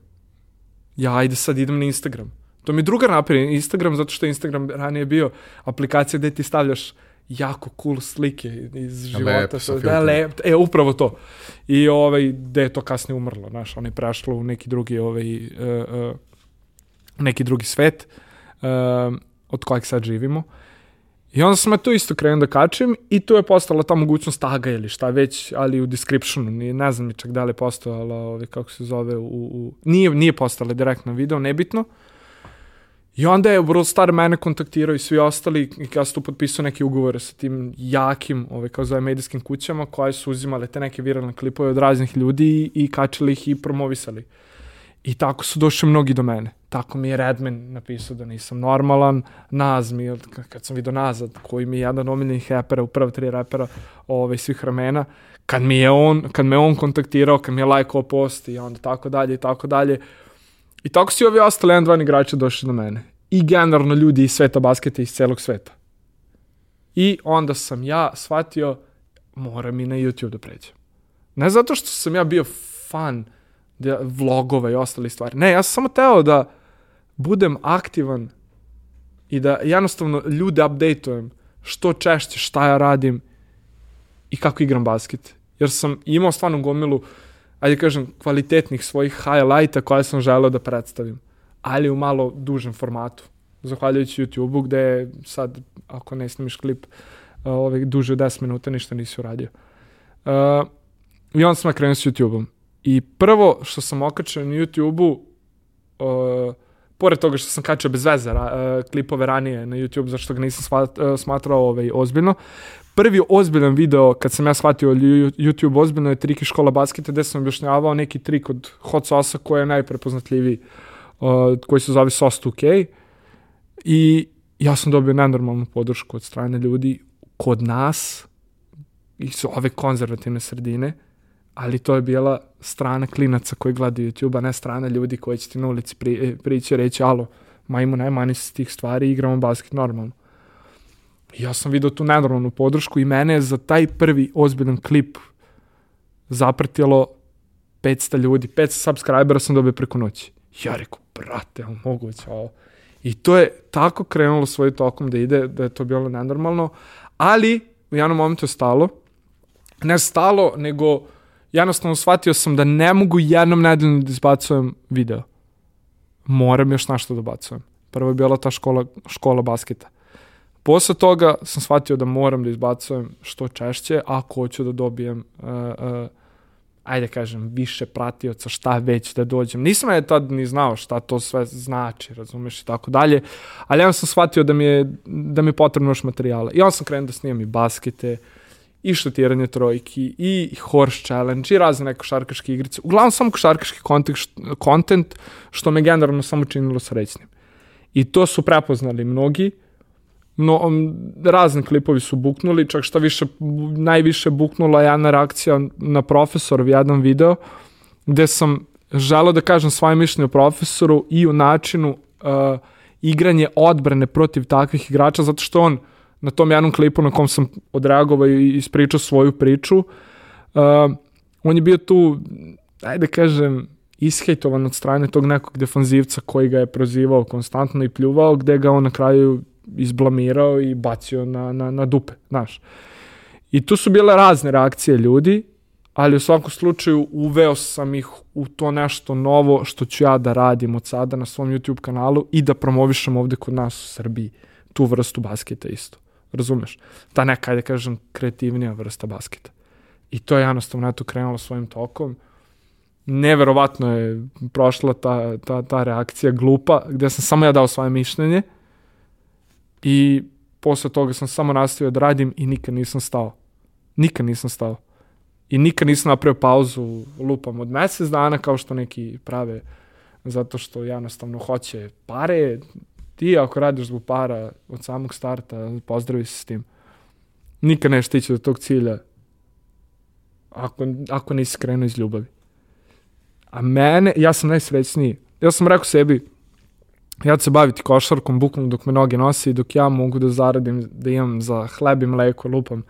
Jer sam ja stvarno neverovatno zaljubljen u košarku i ja uopšte ne gledam ni te brojke, te na YouTube-u, niti bilo šta slično. Mene samo čini srećen ta lopta i da se ja sa njom zabavljam, a sve to sam dobio, eto, ovaj, uz, uz, uz svoju tu neku harizmu, jel ne znam ja šta, bio, mislim, imam tu, svestan sam da imam tu neku harizmu, da vole ljudi stvarno da pričaju sa mnom o svemu i svačemu. Ja volim da pričam s ljudima o svemu i svačemu. Uh, mogu da, raznima sam pomagao i koji su me razočarali i tako dalje i tako dalje. Uh, brdo, brdo nekih stvari koje mene čini srećnim, razumeš, mnogi su, mnogi su to ugasili zato što su me koristili i kroz basket i kroz, kroz razne životne stvari, ali jednostavno nikad nisam stao, samo sam učio na to kao neku životnu lekciju i dalje gazim i osjećam se kod imam 18 godina i tako i izgledam, imam taj baby face i to mi svi kažu, šokiraju se kad im kažem da imam 29 godina, ovaj, sad ću 22. novembra 30, ali ne znam, meni je to samo broj, ono koji subscribe broj je, tako da... A, fascinantno mi je, mislim, i, i kažem, to je jedan od razloga zašto, zašto sam hteo da, da ispričamo priču, ovaj, što kao pre 10 godina je delovalo potpuno nezamislivo da, da imaš momka iz Srbije koji je freestyle košarkaš, koji je zbog toga proživeo neke neverovatne stvari, privukao pažnju neki Pa evo, tebe sam upoznao u Kini, zamisli, u, na metro stanici sa šarencem. Koja je to situacija? Pa kad imaš šarenca pored sebe, dosta je lakše. on je 30 ne, santima više od Nebitno, ali opet, vidiš, znači, opet mene je odveo basket tamo u tu Kinu i tebe sam upoznao tamo u Kini. Razumeš? A, ali ne samo pojedinačni primer, nego da. kao, ok, ti imaš najboljeg centra sveta, NBA-a, koji je iz Sombora, ovaj, sve to ok, ali kao to je vrlo konvencionalno. Da. Imamo tebe, imamo Đotu, koji u, u futbolu da, jest. takođe otišao u freestyle stranu i takođe ima neke Tako lepe je. rezultate Stefan svega Bojić toga. Isto Imamo Stefana Bojića, freestyle tenisera. Znaš kao, ja kad sam video prvi put šta on radi, pošto tenis isto sport koji jako, jako dugo pratim i volim, meni je to sve bilo zanimljivo, ja A imaš... na sve to zamisli, on je prvi ikada. Da, da, znači, ali... On je to izmislio. Znaš kao, i, i, i ti kao istražiš njegovu ono, karijeru i to sve Ako to možemo lista. da nazovemo karijerom, kao, da. imao, je on, imao je on kao konvencionalnu tenisku karijeru, Da, koja da. nije nešto pretarano dugo trajala, ali ITF i ATP imaju, mislim kao, znaš, ono, Zeka milioner ima rezultat registrovan Pa, na, je, na, ne, na znači, ITF, toliko tako da to je, idu to, znači, da. baš ono, svaki future, svako sve. Da. I ti kod Stefana vidiš da je on imao neke rezultate i sve Da, to, da. ali to jednostavno nije bilo značajno. Ovaj. On je našao svoj način i kroz taj način je postao globalno prepoznat u nečemu što, naravno, do Da. tog trenutka nije postojalo. Jeste. Ovaj, imaš najboljeg igrača 3 na 3 na svetu. Da, da, Bulut I koji ne je- samo najboljeg igrača, nego imaš ono, od 10 najboljih na svetu, 8 je. Da, Ovaj, su iz Srbije. Da. Da, i Zemunci, Novosađani, i L- Liman i Alvarda. i- Jeste. Ima ih. Ovaj, i, I sa te strane je to sve potpuno impresivno i daje tu jednu novu dimenziju celoj priči, koja, znači ja volim pravim te paralele između različitih industrija. Da. Ti danas možeš da postaneš muzička zvezda bez da imaš uh, ugovor, da imaš studio, bez da imaš bilo šta, zato što imaš društvene mreže i možda ćeš se proširiti kroz to. Nije to jednostavno. Nikad te stvari nisu jednostavne. Ali mogućnost postoji. Upravo to, da, da. I postoji mogućnost da te neko primeti. Ako to što ti radiš zavređuje nečiju pažnju, uh, sigurno će te neko primetiti. Ima tu sad i drugih stvari, imaš i Rebeku Black i možete primeti i ako ih nerviraš i onda to Jasno, ne, jasno. jasno. ima to svoje posljedice. Ali kao otvorena je mogućnost za nešto što, što nije postojalo. Da, da, da. I onda mi je fascinantno, znaš kao, prvo, uh, ono što, što svako ko je gledao tvoje klipove malo duže, a, a pritom voli ono košarku i sve, vidi da je, da je to ti, to je tvoja autentična priča. Nisi sad uzo proučio algoritam i bio u fazonu ovo najbolje radi, sad ću ja samo to da Upravo radim. jer to što najbolje radi ra- većina. Ne, nego kao, Da, da. ja to pravim i zato sam, ono, zato sam želeo da A ne, ispričam u prevodu to sve. ne pravi m- majmuna od sebe koji je uporan da istraje u tom majmunisanju i da bi zaradio, razumeš? Mislim, na to sam najviše ponosan na sebe. Zato što nikad nisam išao, izašao iz sfere košarke. I ovaj, zato mirno spavam i, i zato sam jako srećan i ispunjen. Baš zbog toga. E, ali šta bih voleo? Voleo bih uh, sada, uh, dao si neke primere, ali voleo bih da, da ispričaš kroz, kroz anegdote šta su neke najznačajnije stvari za tebe i neke najlepša uh, sećanja uh, i mesta i situacije gde te Pa evo, košarka to dovela. se desilo upravo nedavno, tačnije prošle godine, to krajem. To je bila Venecuela. Znači, to mi je, bu, to mi je bukvalno ostvarenje svog sna. Znači, ostvarenje sna da sam udario, što bi se reklo, u zid, taj i, i kao košarkašima što je NBA, tako je meni nekadašnji N2, sadašnji Court Kingsi i ja sam dobio poziv od njih, gde je Hot Sauce bio nosilac godinama i profesori, i bone kolektori, svi ti igrači na koje se gledao i, ovaj, i dobio sam poziv od njih da, da idem sa njima na turneju po Venecueli u novembru. Od, od prvog od prvog do, do 1. novembra do 1. decembra. A pritom je 22. novembra rođendan. I sve se tako lepo poklopilo da je to bilo nevjerovatno. I to, to je bukvalno mesec dana koji su mi delovali kao da je jedan san, san od 5 sekundi. Jer ja se tačno sećam momenta kad sam ušao u taj avion ovaj, na aerodromu ovaj, Nikola Tesla, kad sam ušao u taj avion, ja nisam bio svestan gde idem, ali sam bio svestan. Ne mogu ti opišem, znači to je bio šok. Koliko god sam bio svestan gde ja idem, sad da ću ja tamo te ljude da vidim, opet nisam bio svestan. I onda 30 dana kasnije ili ti 5 sekundi kasnije ja sam u avionu nazad za Srbiju.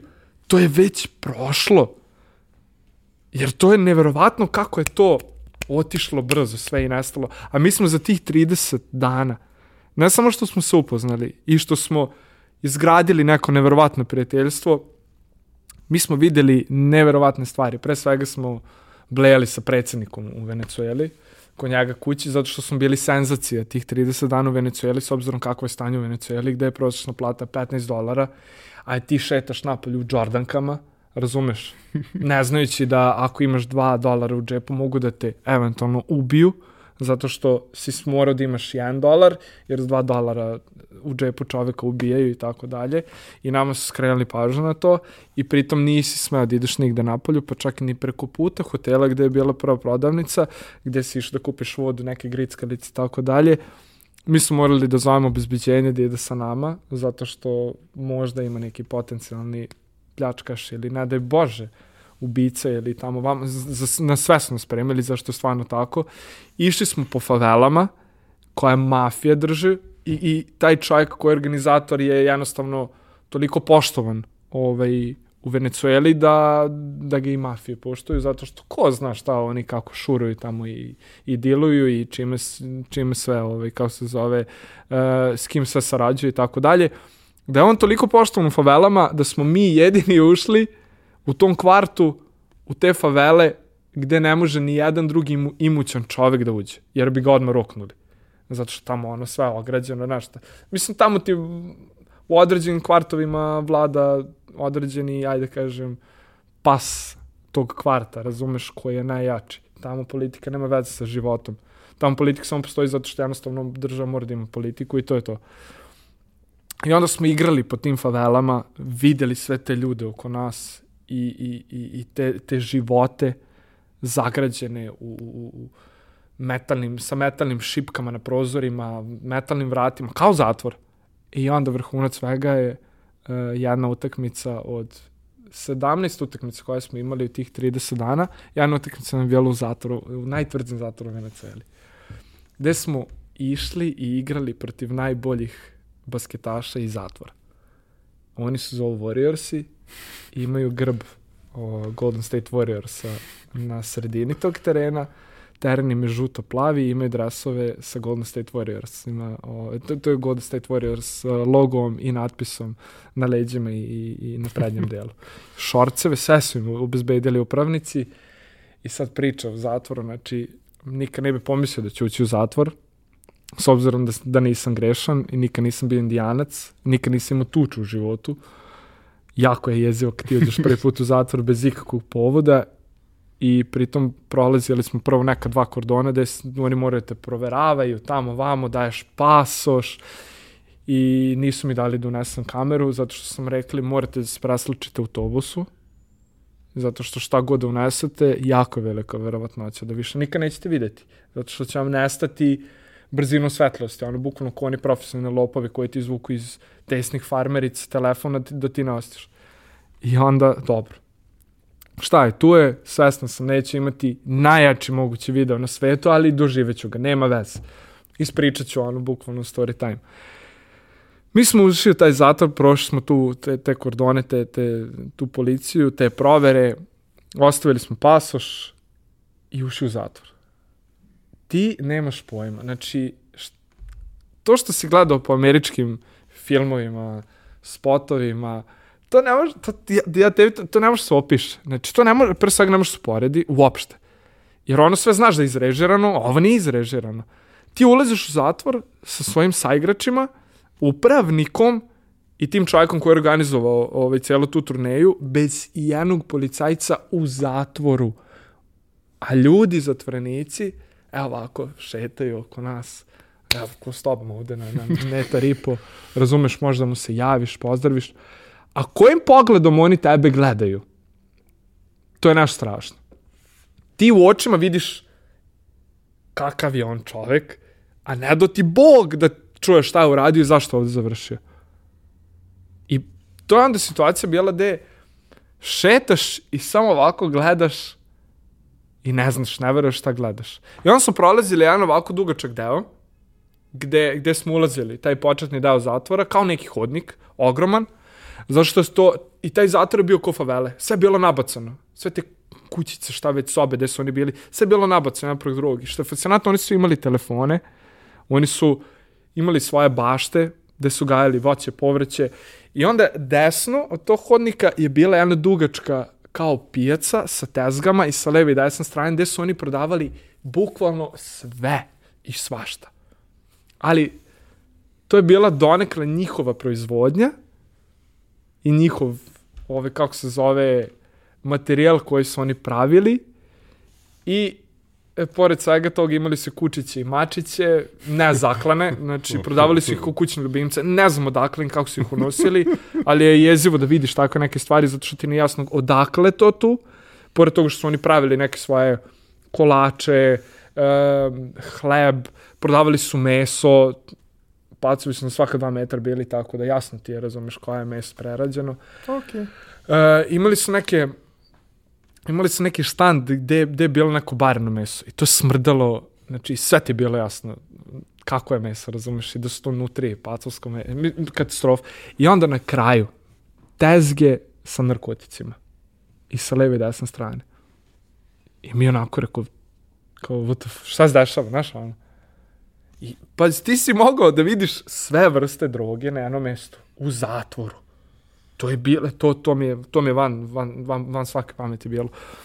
I ništa, na kraju ti zaboraviš na sve to, razumeš? Mislim, zašto previše stvari vidiš odjednom, da, da ne možeš da, da uopšte usadiš sebi u glavi da si to video i da se pomiriš tim, a već na, u narednom periodu vidiš nešto što opet ne možeš da veruješ šta si video i onda vidiš tako ljude neke bez nogu, neki se tuku za majicu zato što nemaju majicu, šorc, razumeš.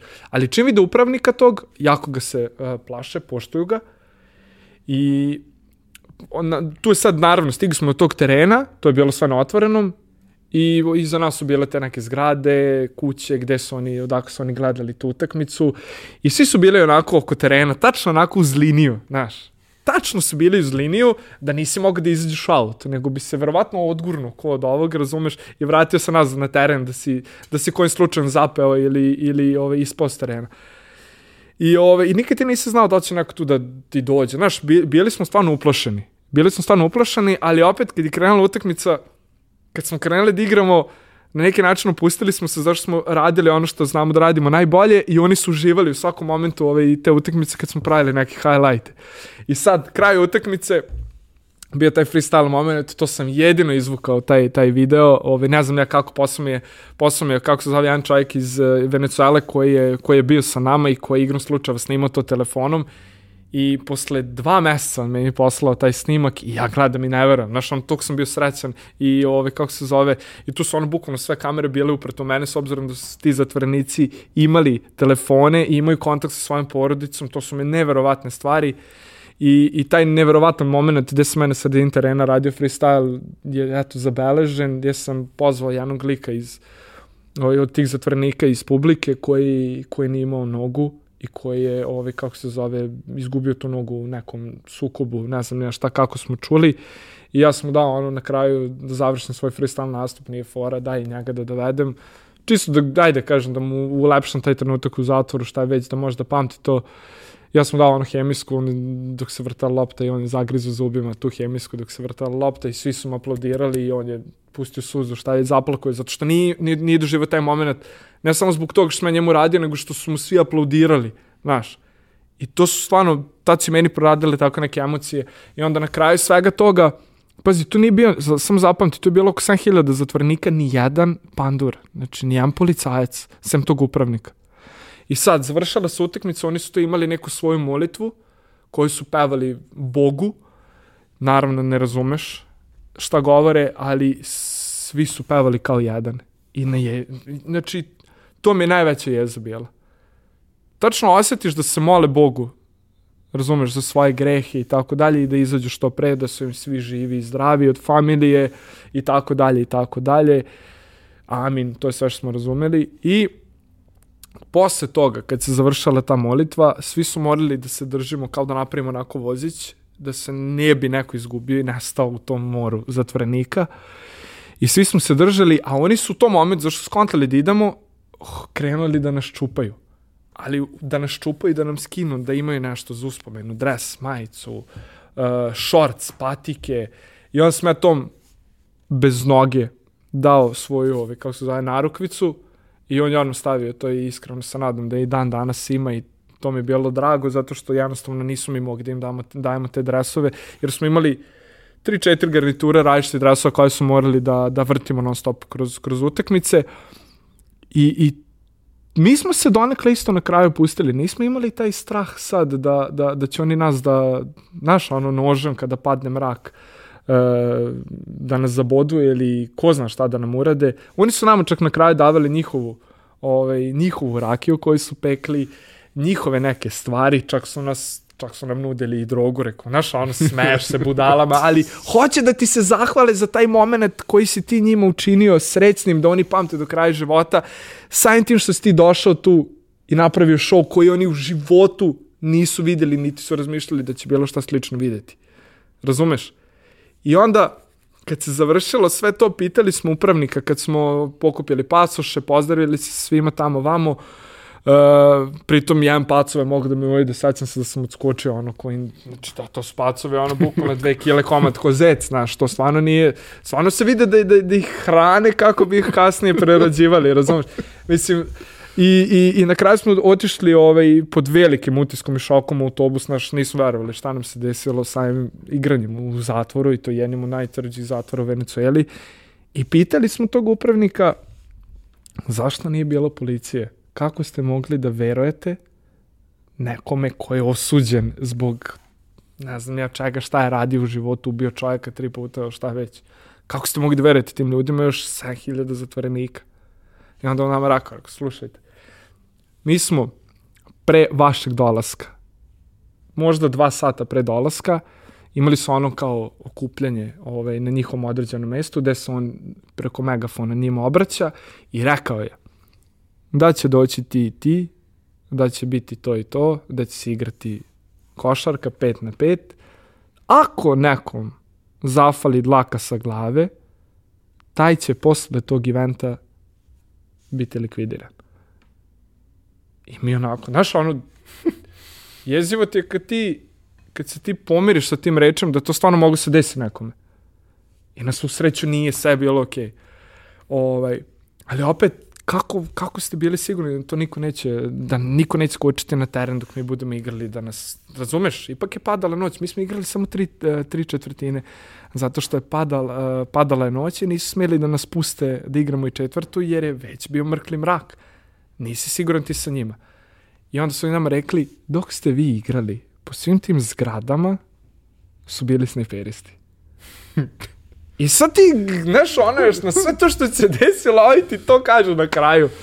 Što ti još začini priču da ti ne, tek sad ne možeš da veruješ šta se tebi desilo u zadnjih sad tipo dva vremena dok si ti bio u zatvoru. I to mi je definitivno naj najbizarnije u isto vreme naj, najlepše i šok, šokant. To je bu, bukvalno, znači, pomešanih emocija i iskustva koja se deš, desilo u životu. Ali stvar koja, koja ne može da se desi čoveku dva puta u životu i, i, i pitanje kome to uopšte i može da se desi, s obzirom da ja znam da smo mi jedini tim koji ikada igra u zatvoru, da to nije bilo namešteno, da ti ideš na set neki, gde su zatvorenici, kaskaderi i tako dalje. Eto. I ja sam doživeo to eto, u životu.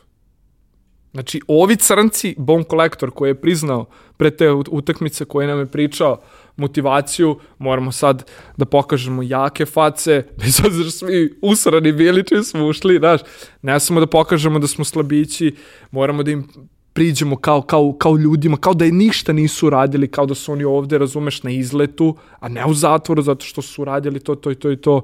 Pritom, tu su bile i deca koja su počinila razne pljačke, jedno dete počinilo je ubistvo, dete, 15-16 godina, i, i oni su isto tu. To je bilo raznoraznih ljudi i bio je jedan Srbin, ali nažalost nisam, nisam uspeo da dođem do njega.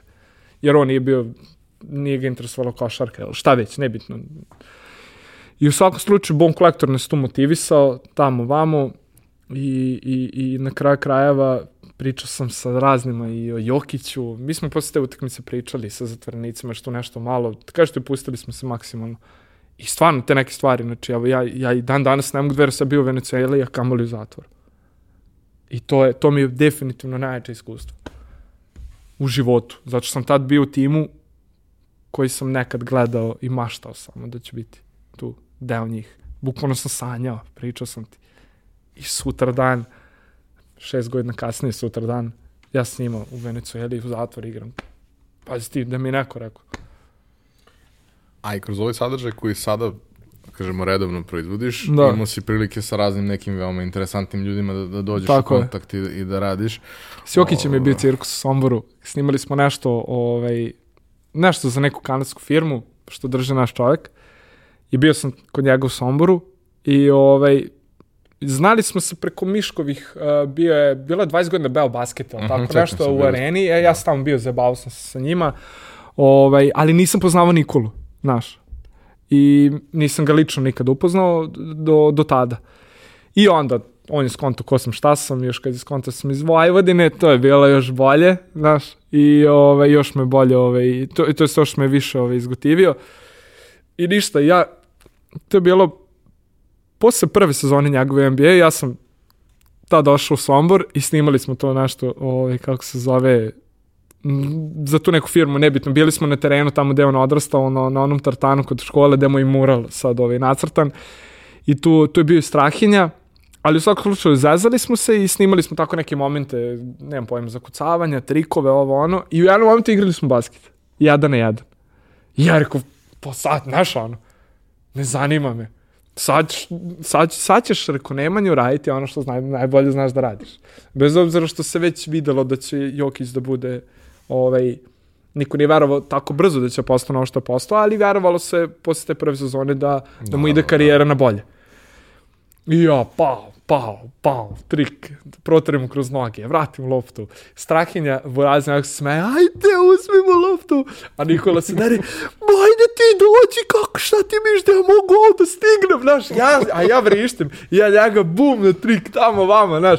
Igrali smo tu malo basket i, ove, i to mi bio baš cirkus, znači, ona, zato što su njih dvojice prepucavali, aj ga proziva što ne može da mi uzme loptu što ga zajebavam a Jokić, Jokić mu vraća tako što ga zove, ajde ti, ajde. Znaš, ma, to je bio cirkus, znači ja nisam verovao. Ali tad sam skonto koliko on pre svega dobar dečko i koliko je prizaman i koliko uopšte nema taj ego da on nešto postigo ili zaradio neke pare, ali tačno se vidi da čovjek voli košarku i da uživa na terenu maksimalno i da nema pristup ono visokog egomanijak, razumeš, koji je ostvario sad neke svoje snove i izlečio s neke svoje komplekse i sad će onda se bahati.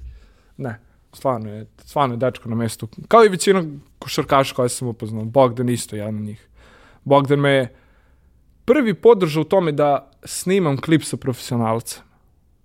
I to sa jednim ozbiljnim profesionalcem koji je sigurno, pored Jokića, najbolji igrač u, u našoj reprezentaciji. Sim sam eto igrao Horse i trojke, me je dobio trojke prvo sa desnom, onda sa levom rukom.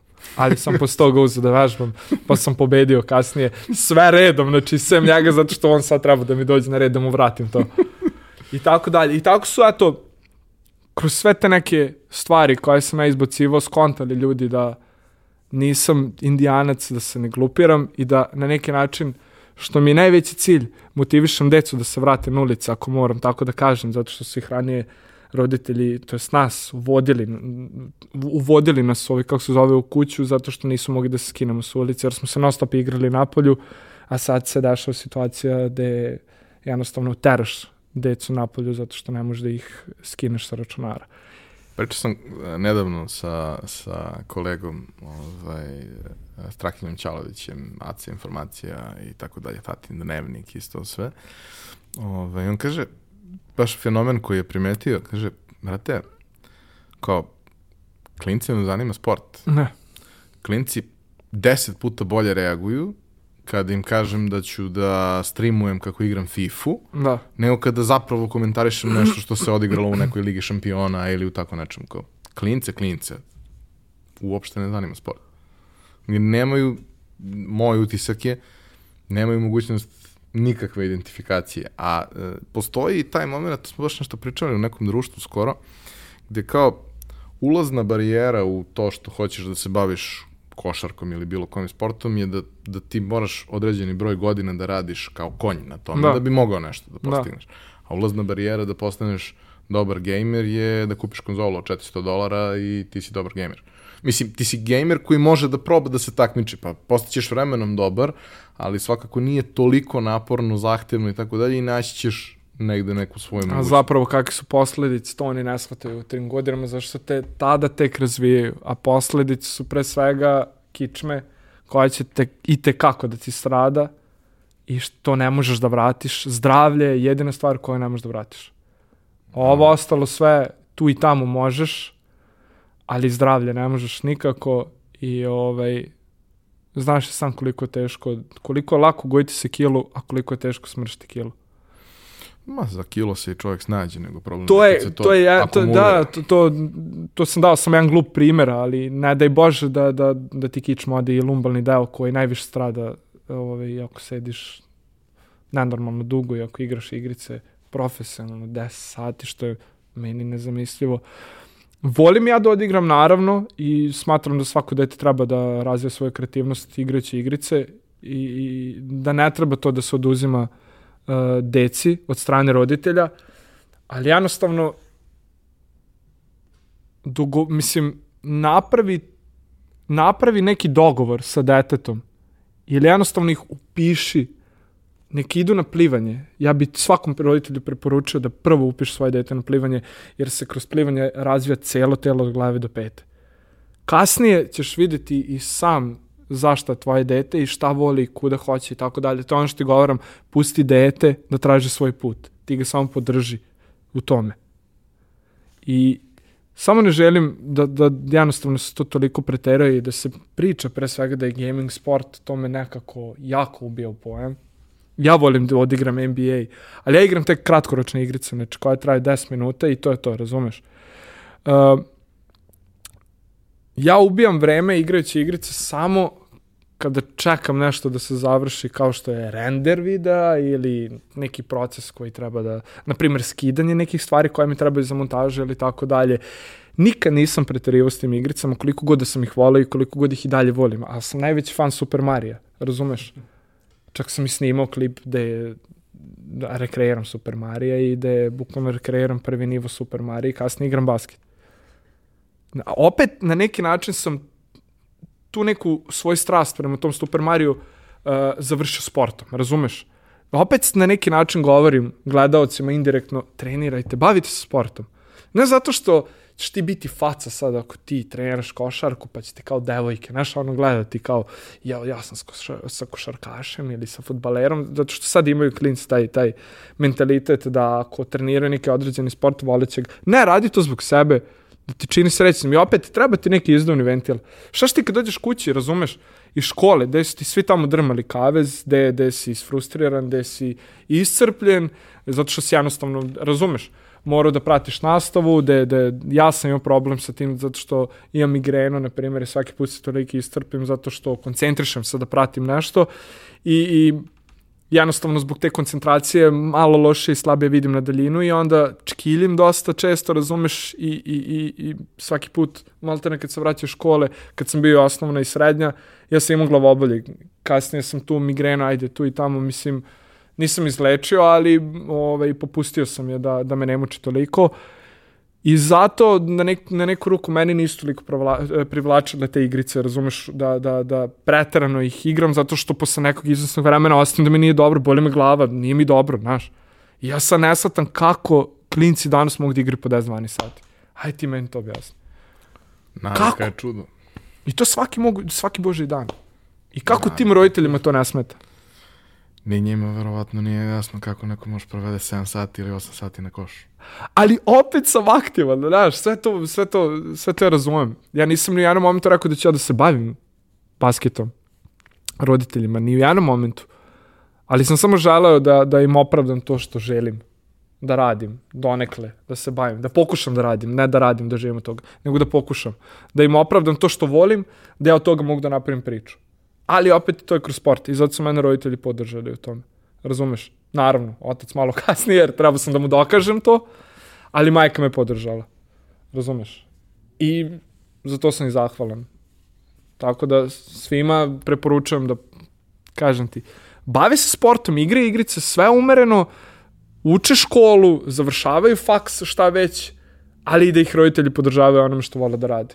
Jer tako se neće zainatiti, tako neće otići onim drugim tokovima, razumeš? Sad, mnogi, mnogi ako im nešto roditelji zabrane, e, sad zato što su mi zabranili, Ja. sad ću ja da uzmem da radim ovo je ono što znam da oni najviše mrze da ja radim. I šta si ti dobio time? Niko nije dobio u tom slučaju, ni roditelji, ni ti. Naravno, naravno.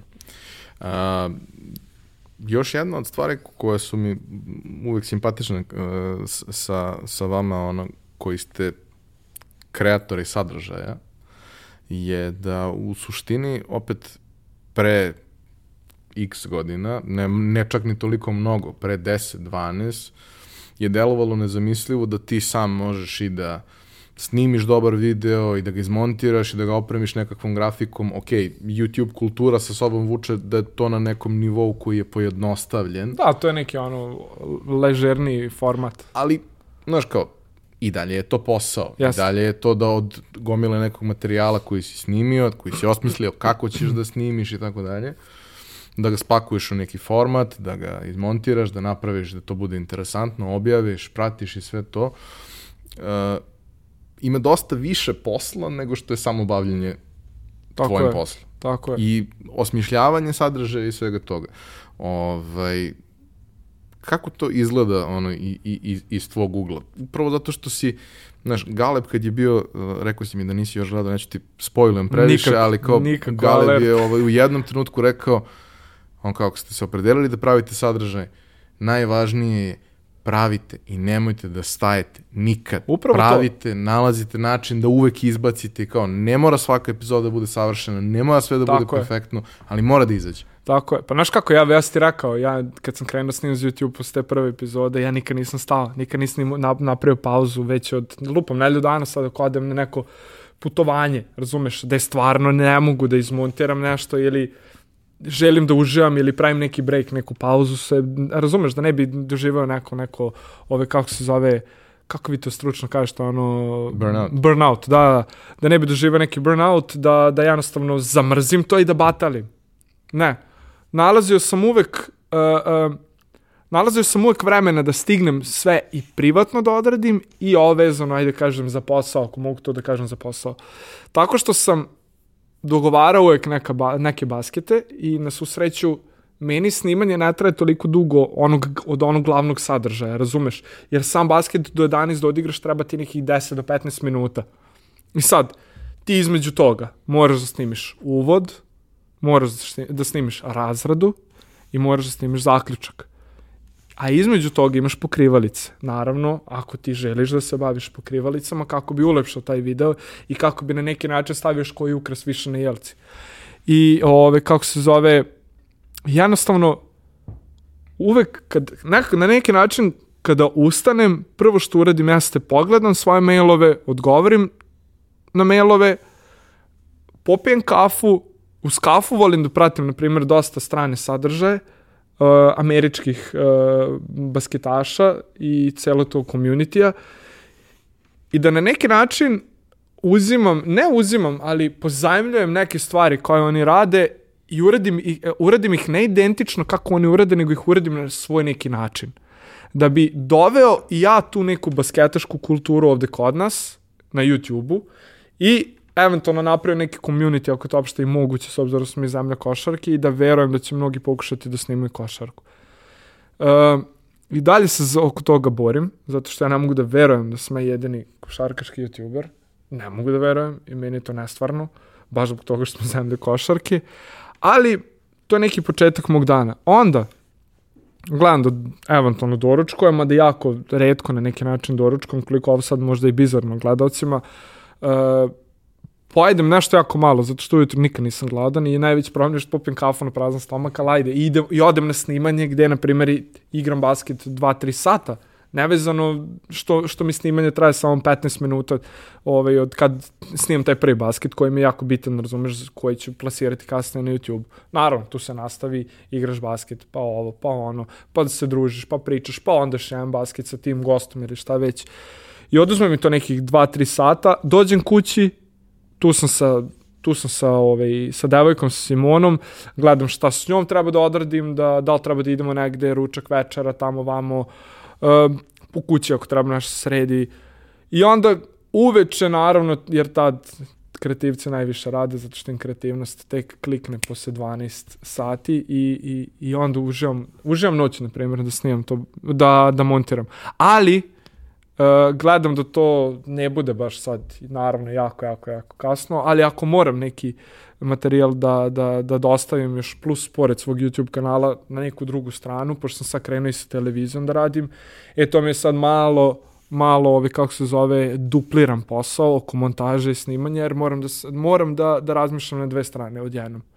Jer moram da do određenog vremena ovaj, ispoštujem rok koji treba da, da ovaj, koji treba da, da, da dostavim ovaj, televiziji i moram da gledam šta ću da okačim na svoj YouTube kanal. Ali opet ne gledam da uradim najgluplje moguće video gde ću samo da nešto uh, bla bla bla bla bla iz jednog take-a kažem i malta ne raw footage okačim na YouTube, nego gledam da uvijek to bude basket i gledam da uvijek to bude nešto što će da podstakne, podstakne te mlade ovaj, ajde kažem, ljude koje me prate da, da zbog tog nekog poteza ili zbog te neke rečenice ili zbog te neke stvari koje sam okačio sad kroz taj video, da, da, da se oni motivišu da treniraju.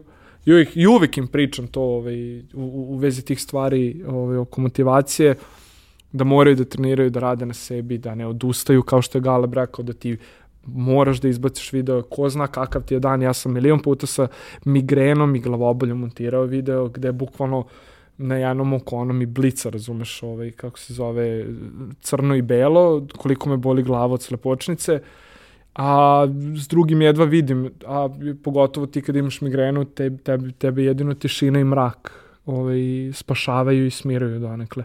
I onda ja imam tu neku svoju alternativnu, ovaj, kako se zove, eh, medicinu, gde uključim, ovaj, kako se zove, nemam pojma da li ringlo ili nešto, jer toplota, mhm. -huh. toplotom ovi kako se zove, da. popušta mi bol.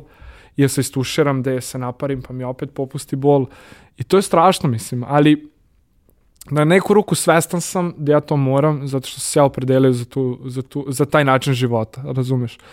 Mi, ja sad ne bi mogao da, da, da se naviknem na neki drugi način života, da ja sedim u nekoj kancelariji, da radim nešto što ja ne volim, uh, samo zato što jednostavno moram da platim na kraju meseca račune i da moram do nečeg da živim, razumeš, ali opet svakog podržavam i, svaku, i, i cenim svaki mogući posao, samo što kažem za sebe, ja sam toliko hiperaktivna osoba da jedinu kancelariju koju ja vidim jeste košarkaški teren i zahvalan sam Bogu što sam pored toga naučio da montiram videe, ne zato što sam ja prvo želeo, nego zato što sam morao, jer niko nije mogao da meni uh, montira te videe koji su košarkaškog sadržaja zato što na neku ruku ja najbolje znam koji potez treba da, da, da, da ubacim i stavim u, ovaj, u taj određeni kadar i koju muziku treba da provučem i koji klip možda treba da uporedim sa tim iz nemam pojma nekih mim varijanti da ubacim neki NBA klip ili, ili bilo koji drugi iz filmova nešto ili uh, He Got Game, na primjer, ili mislim to redko ko da bi od tih